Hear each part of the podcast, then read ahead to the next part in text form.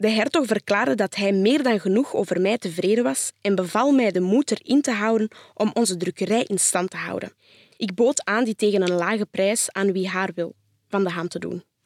Hij had over mijn zaak naar onze heer de koning geschreven en had bekomen dat ik haar terug volgens mijn goeddunken zou kunnen leiden. Ik, die sinds ongeveer 15 jaar als huurling voor andere boekhandelaren onder mijn naam, maar voor hun winst, geduldig haar in bedrijf heb gehouden.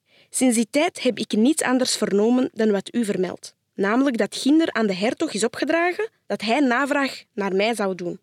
Secretaris Garnier heeft mij dat onlangs onthuld en dat de instructie die uit Spanje was gestuurd om over alles navraag te doen en om te antwoorden door de hertog zelf aan hem is gegeven.